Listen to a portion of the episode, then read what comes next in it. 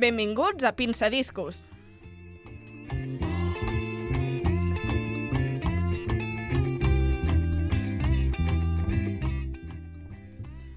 Bon dia, són les 11. Avui engeguem amb moltes ganes una nova temporada del programa Pinçadiscos. En aquesta aventura us acompanyarem la Núria. Bon dia, Núria. Hola, bon dia.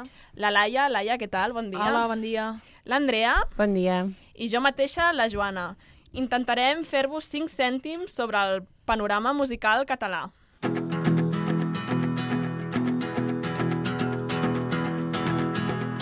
Bé, doncs comencem per repassar l'actualitat musical.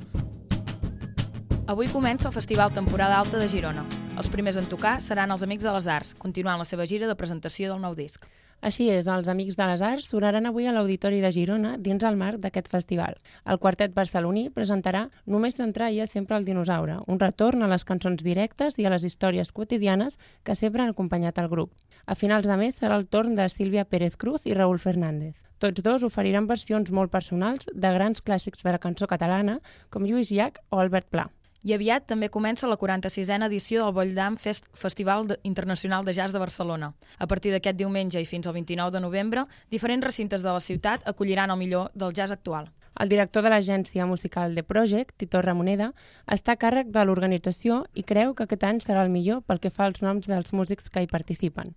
Entre les veus catalanes s'escoltaran algunes com la de Joan Chamorro, Llibert Fortuny o Francesc Borrull.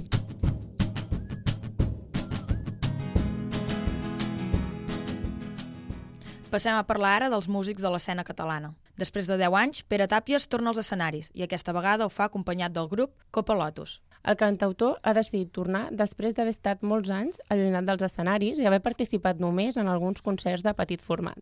S'ha estrenat al Centre Artesà Tradicionarius de Gràcia amb el seu nou espectacle Top Tàpies, en el que ha interpretat antigues cançons acompanyades de les seves creacions poètiques dels darrers anys. I mentre uns decideixen tornar, de Pepper Pot s'acomiada al seu públic en els tres últims concerts que celebraran el mes de novembre. Sí, el punt i final de la seva trajectòria arriba després d'una gira per mig Europa en la que han presentat el seu darrer disc, We Must Fight. Recordem que la formació gironina ja va anunciar en un comunicat que era el moment de tancar un cicle i commemorar tots els anys de música, viatges i entrega.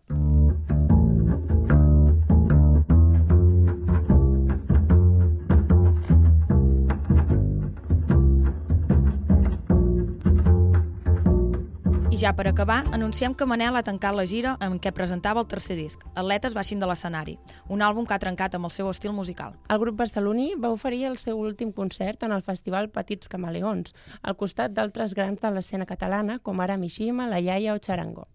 La gira va començar amb la presentació del disc a l'abril durant el Festival del Primavera Sound i ha comptat amb més de 50 concerts arreu del territori espanyol.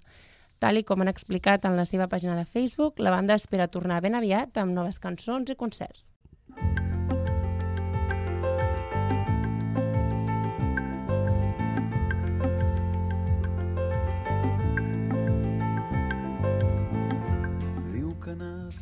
I aprofitant que el cap de setmana passat va tenir lloc el festival Petits Camaleons, avui, en el nostre programa, parlem de la música i els nens. La música forma part de la persona.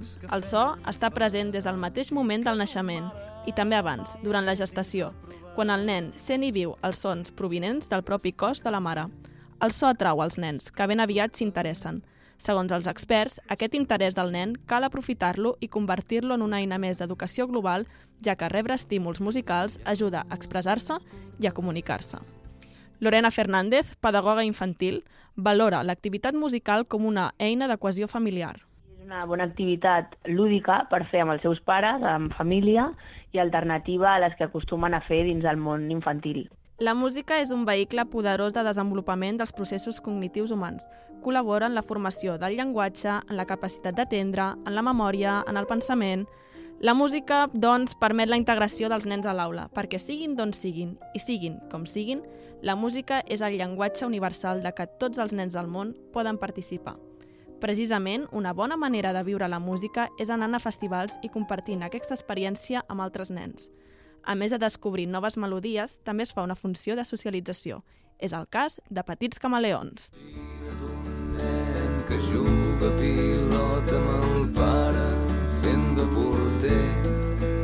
És diumenge al matí, sona un pati d'escola i no hi ha ningú al carrer. Es tracta d'un festival de música dirigit a nens que tenen fins a 12 anys, en el qual hi han participat 28 artistes de primer nivell de l'escena catalana, com Manel, Mishima, Charango o La Iaia, Enguany ha estat la tercera edició i ha assolit un nou rècord d'assistència amb 4.000 visitants, uns 1.000 més que l'edició anterior. Petits Camaleons està obert a petits i a grans, però aquests últims només hi poden assistir si van acompanyats d'un infant. Així com aquest cap de setmana, el Teatre Auditori de Sant Cugat s'ha omplert de famílies que volien gaudir de bona música en català amb els seus. La paternitat pot significar en molts casos disminuir activitats d'oci com ara espectacles musicals d'aquest estil. Així doncs, per a algun dels assistents, aquest festival és la solució al dilema. Marta Puig, mare d'un dels participants, assegura que el festival és una manera de compaginar família i oci. Ha estat una experiència molt positiva. Mm, quan tenim fills petits no podem sortir a les nits o, o no tenim massa oportunitat. És una manera d'acostar la música més actual amb els nens, així gaudim i ens ho passem tots bé. Una bona experiència que és compartida amb els músics, generalment acostumats a un altre tipus de públic. Àlex Pujols, baixista de Charango, ens explica com van haver d'adaptar el seu espectacle als més petits. D'una banda, el repertori, en lloc de, de ser de durada normal, que nosaltres toquem una hora i mitja, allà tots els grups han de fer mitja hora i prou, perquè creuen que que els nens, com a molt, mantenen l'atenció d'un únic concert mitja hora, no? D'una banda vam de retallar moltes cançons i, i de l'altra una mica pensar en aquestes cançons que hi podem fer per, per fer participar els nens, això.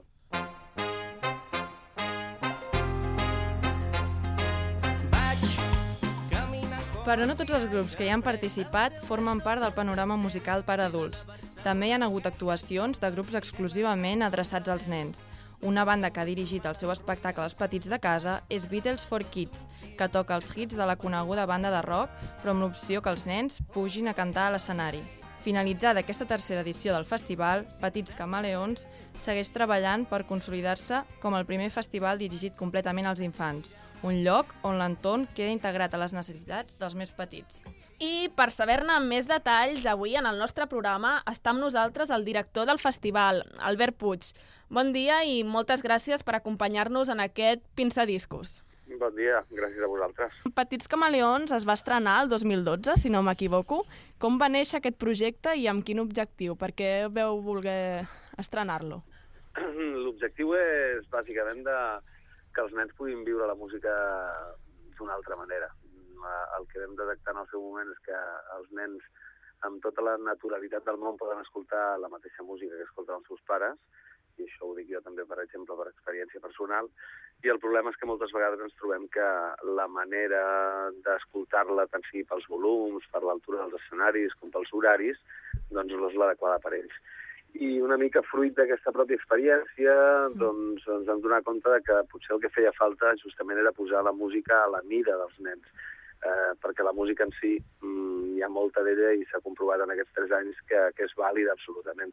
Per tant, una mica el secret era aquest i la, i la necessitat que veiem era aquesta. Clar, jo de fet he de reconèixer que em va sorprendre una mica com es pot apropar la, de, la música dels grans a, a nens, no? Vull dir, realment els nens, ja porteu tres edicions amb aquesta, com ho han uh -huh. viscut els nens? Com ho veieu? Realment ho reben bé? La veritat és que els nens, per mi, continuen sent els veritables protagonistes. És evident que hi ha molts pares que s'ho passen la mar de bé, però per als nens tots aquells grups que no coneixen són una descoberta i després hi ha molts grups que, que són grups que als nens els hi encanten. Ja digue-li Charango, digue-li Manel, digue-li en edicions anteriors, gent com per exemple doncs, Antònia Font, els Amics de les Arts, Teràpia de Xoc, moltes i moltes bandes que als nens els hi agraden i que evidentment és música que ells escolten. El problema que tenen és que no poden accedir normalment a un concert millor que comença a la una de la matinada. Aleshores, a, a partir d'aquí s'obre un ventall de possibilitats enormes de que els nens descobreixin coses noves. Jo vaig veure cares de, de molta felicitat i de molta sorpresa en concerts com, per exemple, el de, el de la Vella Dixieland, mm. estil malinquer, una formació de, de, de música d'arrel africana al Senegal, en fi, que hi ha moltes propostes que, evidentment, o els oques grasses, que van triomfar moltíssim també entre els nens. No, no hem de tenir no hem de tenir manies en aquest sentit. Els nens són veritables esponges i l'única cosa, el que hem de fer nosaltres és donar-los música de qualitat, que és el que intentem fer des del festival. Clar, perquè diguem, el festival més que res l'objectiu és això, no? Vull dir que dona com la música d'actualitat. Aquí la música tradicional queda com una mica apartada, no? Diguem. Mm, no, no, Mm. no, perquè si et fixes, eh, dins de la programació hi ha un ventall de possibilitats molt grans. O sigui, tenim, evidentment, els grans noms, perquè no oblidem que no som pas un festival gratuït, no som un festival de carrer, clar, sinó que s'ha sí. de comprar entrada. Hi ha uns noms que són grans, com en aquest cas doncs, pot ser Charango, Manel, com Sí. pot ser la Trova Kung Fu, com pot ser l'Axan Busto, però eh, dins de la programació hi ha de tot. Música tradicional hi havia la Marta Rius, per exemple, amb el seu acordió diatònic, o la proposta d'arrel dels estil malinquer, o hi havia cançó d'autor amb els Cesc Freixes, amb la Joana Serrat, amb el Dani Flaco i amb un llarguíssim etc. Mayo de Sal, per exemple, feien música d'arrel brasilenya. O sigui que Mm. eh, no, no, no, no estem només aferrats a l'actualitat, ni molt Val, menys, sinó que intentem obrir un ventall de possibilitats, entre altres coses perquè creiem que aquest festival ha de tenir un punt pedagògic també pels nens, no? Clar. I mm, ara ja porteu bueno, tres edicions, però al principi quines van ser les principals dificultats que us vau trobar per a poder engegar el projecte? Bueno, les principals dificultats d'engegar un projecte acostumen a ser les mateixes sempre, que una és l'econòmica, evidentment, has de fer una inversió, que per alguna cosa estan doncs, eh, les subvencions, els ajuts, però evidentment quan ningú et coneix és difícil que algú aposti per tu, i en segon lloc, doncs, evidentment, també la comunicació. Som un festival que no és fàcil explicar el que fem. Jo sempre dic que fins que no hi vas i fins que no trepitges eh, el territori no, no, no coneixes realment eh, ben bé el que estem fent i diguéssim que són dues coses en les que continuem lluitant, cada vegada una miqueta menys amb el tema econòmic, tot i que seguim lluitant amb això, Ja, i continuem lluitant cada vegada una miqueta menys també amb el tema de la comunicació, perquè per nosaltres el boca-orella és bàsic, el fet de que la gent que ha vingut al nostre festival doncs recomani a altres persones que hi vagin, però per aconseguir això, evidentment, la gent ha de sortir satisfeta, i sembla ser que de moment ho estem Sí, aconseguint. exacte, perquè de fet aquesta edició, els Petits Camaleons, podríem dir que s'ha fet gran i que ha arribat a èxit de participació fins a 4.000 assistents, crec. Quina valoració en feu des de la direcció? Suposo que molt bona, no? Sí, molt positiva, evidentment. O sigui, jo crec que en cap moment havíem pensat que en tres anys en tindríem suficient com per tenir el gruix de gent que vam tenir aquest any. Això és senyal de que la cosa realment està agradant, de que la fórmula és bona, de que Mm. la fórmula funciona, de que s'ho passen bé tota la família, que és el nostre objectiu, que s'ho passin bé els nens i també els pares, i a partir d'aquí el que sí que és veritat és que el creus repte... que s'ho passa millor, els nens o els pares? Mira, és la pregunta que em fa tothom. Uh, jo Perquè crec els que... vídeos que he vist, les mares les veig molt contentes, eh, també. Oh, evidentment, però és que si els pares no estan contents, és evident que els nens no podran anar-hi. Eh. Això és així, o sigui, qui acaba comprant les entrades són els pares, això punt 1, i en segon lloc el que tampoc no té massa sentit és que hi hagi un espectacle al que els pares estan avorrint. Per tant, doncs, eh, jo, jo he vist moltes pel·lícules infantils de les quals, hosti, no he sortit del cine pels meus fills, però he sortit Ja. yeah. al minut dos. Aleshores, eh, el que intentem justament és que, és que tu puguis passar-t'ho igual de bé que els teus fills. Preguntar-me qui s'ho passa millor depèn Ja. del moment, perquè els nens eh, estan veient molts concerts, però, per exemple, la roda de premsa que van fer el Charango, qui s'ho va passar millor van ser els nens, evidentment, puguem preguntar. A l'hora de fer-se firmes o fotos amb els artistes, ells ho disfruten moltíssim. I a l'hora de ballar, de cantar, de, de, de, de, de, de disfrutar, perquè moltes vegades veuràs un pare cantant, veuràs el seu fill amb la boca ben oberta dient, ostres, què està passant aquí, no? Per tant, potser són maneres diferents de passar-s'ho bé, depèn de les edats, evidentment, eh, tenim música per nadons i jo sé que els nadons s'ho han passat molt i molt bé, o sigui que aquesta pregunta és difícil de contestar. Ja. Jo, jo m'atreviria a dir que, que Tots, no? Vull dir- Sí, sí, sí. I de cara a properes edicions, què, què voleu millorar o què voleu... què s'està pensant? O... Bueno, nosaltres tenim llistes de coses ja a hores d'ara, a poques hores d'haver tancat el festival, de coses que s'han de millorar, sobretot amb, amb alguns espais que potser són petits, eh, creiem que el creixement del festival ha de passar per un creixement sostingut, perquè no tindria cap mena de sentit ara de cop i volta obrir un escenari per, per 3 o 4.000 Clar, persones. es perdria l'essència, no? Potser, en certa manera. Es perdria l'essència, es perdria el fet de que els nens deixarien de ser els protagonistes, es Mm. perdria la possibilitat de que ells fossin els privilegiats a l'hora de veure els concerts, es perdria la possibilitat de que els volums no fossin estridents, es perdria moltes coses que no volem perdre. Per tant, el creixement ha de ser doncs, això sostingut, obrint espais nous, eh, més programació, més diversitat, però dintre d'aquest eh, límit, en certa manera, que ens marca doncs, això, aquests aforaments de 800, 900, 1.000 màximes persones. No? I, bueno, ara ja, per acabar, canviem potser una mica de, de temàtica, però vostè està molt relacionat amb el món de la música, perquè més també dirigeix el programa Delicatessen, una productora de televisió. Vull dir que, si m'ho permet, en certa manera, vostè posa el seu granet de sorra, potenciar la cultura, més o menys. I li voldria preguntar de com va viure vostè el tancament de la freqüència d'ICAT, perquè realment era... Bueno, que se segueix emetent per internet, però com va viure vostè el tancament d'ICAT, perquè era un, realment no? una Sí, freqüència fet- cultural Hem fet un salt transversal ara d'aquesta entrevista. Sí, però Ah. realment dic, em, és música igual, però bueno, volia fer la pregunta aquesta. Bueno, diguem que, diguem que primer ho vaig viure com una sorpresa, evidentment, una sorpresa inesperada. Um, doncs de- d'entrada penses una mica que és la fi del món. Uh, aquestes coses moltes vegades se'ns escapa qui, quin és l'origen, no se'ns escapa quina és la raó, en el sentit de que moltes vegades aquestes decisions es prenen a unes esferes que són molt altes a les quals no hi arribem. No hi arribem vol dir que no tenim moltes vegades ni tota la informació del per què es fan les Mm. coses, però eh, sí que és veritat que d'aquest eh, xoc inicial, per dir-ho així, sent molt conscient que avui en dia hi ha molta gent doncs, que evidentment ha deixat d'escoltar-ho perquè eh, com a mitjà tradicional al cotxe o a la cuina o doncs, amb, el, amb el transmissió de tota la vida doncs, hi ha molta gent que continua escoltant la ràdio així i suposo que encara serà per molts anys, però sí que és veritat que amb el temps doncs, un se n'adona que realment continua havent encara molta gent fidel, que els hàbits a l'hora d'escoltar la ràdio també en molts moments estan canviant, i que, sobretot per al que fa referència a un programa com el que jo faig, que és Delicatessen, Mm. al ser un programa en certa manera d'autor, en el que a tu t'és igual a quina hora l'escoltis, on l'escoltis i de quina manera l'escoltis, Mm. doncs, doncs això fa que, que cadascú cada vegada més doncs, també se'l fa a la seva manera. Hi ha gent que l'escolta per anar a córrer, hi ha gent que ho fa doncs, a la feina, hi ha gent que ho fa quan es lleva, i en definitiva a mi sí que m'obliga a canviar una sèrie de coses perquè no pots fer un programa, diguéssim, d'actualitat o no pots fer un programa ferrat allò al, al dia a dia, però, però diguéssim que del, decideixo que el xoc inicial al final doncs, no ha sigut tampoc tan dramàtic. Jo penso No. que no ha sigut tan dramàtic i penso també en certa manera que Bueno, tot se li final- treu la seva part, no? Vull dir... Bueno, eh, suposo que a la llarga, sobretot tipus de programes com el meu o tipus de ràdios com ICAT, cada vegada tendiran més cap aquí. Ja no sé què passarà amb les ràdios generalistes, que evidentment estan eh, absolutament aferrades a l'actualitat i al dia a dia i al, al minut a minut, no? Però en programes com el meu, bueno, suposo que d'aquí un temps eh, ho trobarem tots com molt normal, això. Bueno, doncs moltes gràcies, crec que ens ha quedat molt clar tot i, i que moltes felicitats per aquesta nova edició i que es puguin fer molt més mm, festivals i potenciar la cultura d'aquest país. Així, I moltes gràcies també per atendre'ns. Moltes gràcies a vosaltres. Adeu, gràcies. I per acabar, després d'aquesta entrevista, aquesta setmana hem demanat als nostres oients que ens responguessin una pregunta. Quines són les cinc cançons que van marcar la infància? Quins han estat els resultats, Andrea? Bueno, abans us he de fer la pregunta a vosaltres, eh, noies? Eh, Quina és la teva cançó, Laia? Doncs jo recordo els migdies amb la cançó de Bola de Drac, o sigui, dinar cada dia i vaja, és el primer, el primer record que em ve de la infància. I tu, Núria, què diries?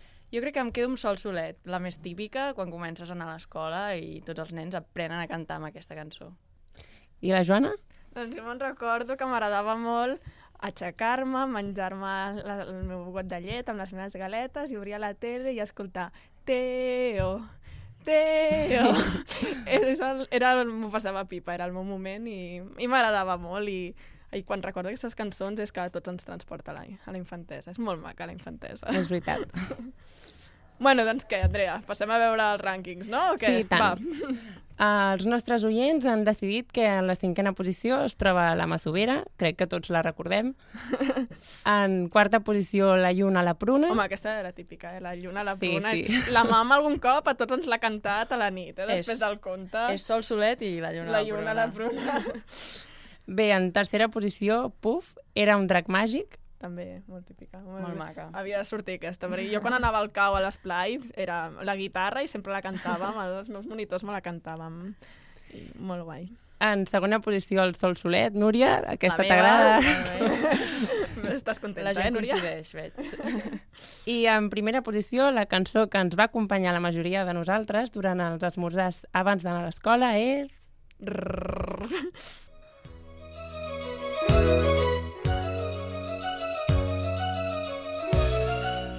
Doraemon.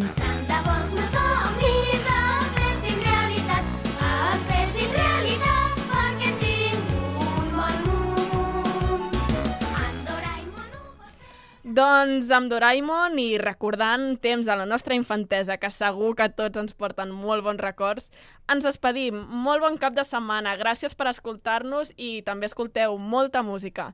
I fins al proper Pinça Discos.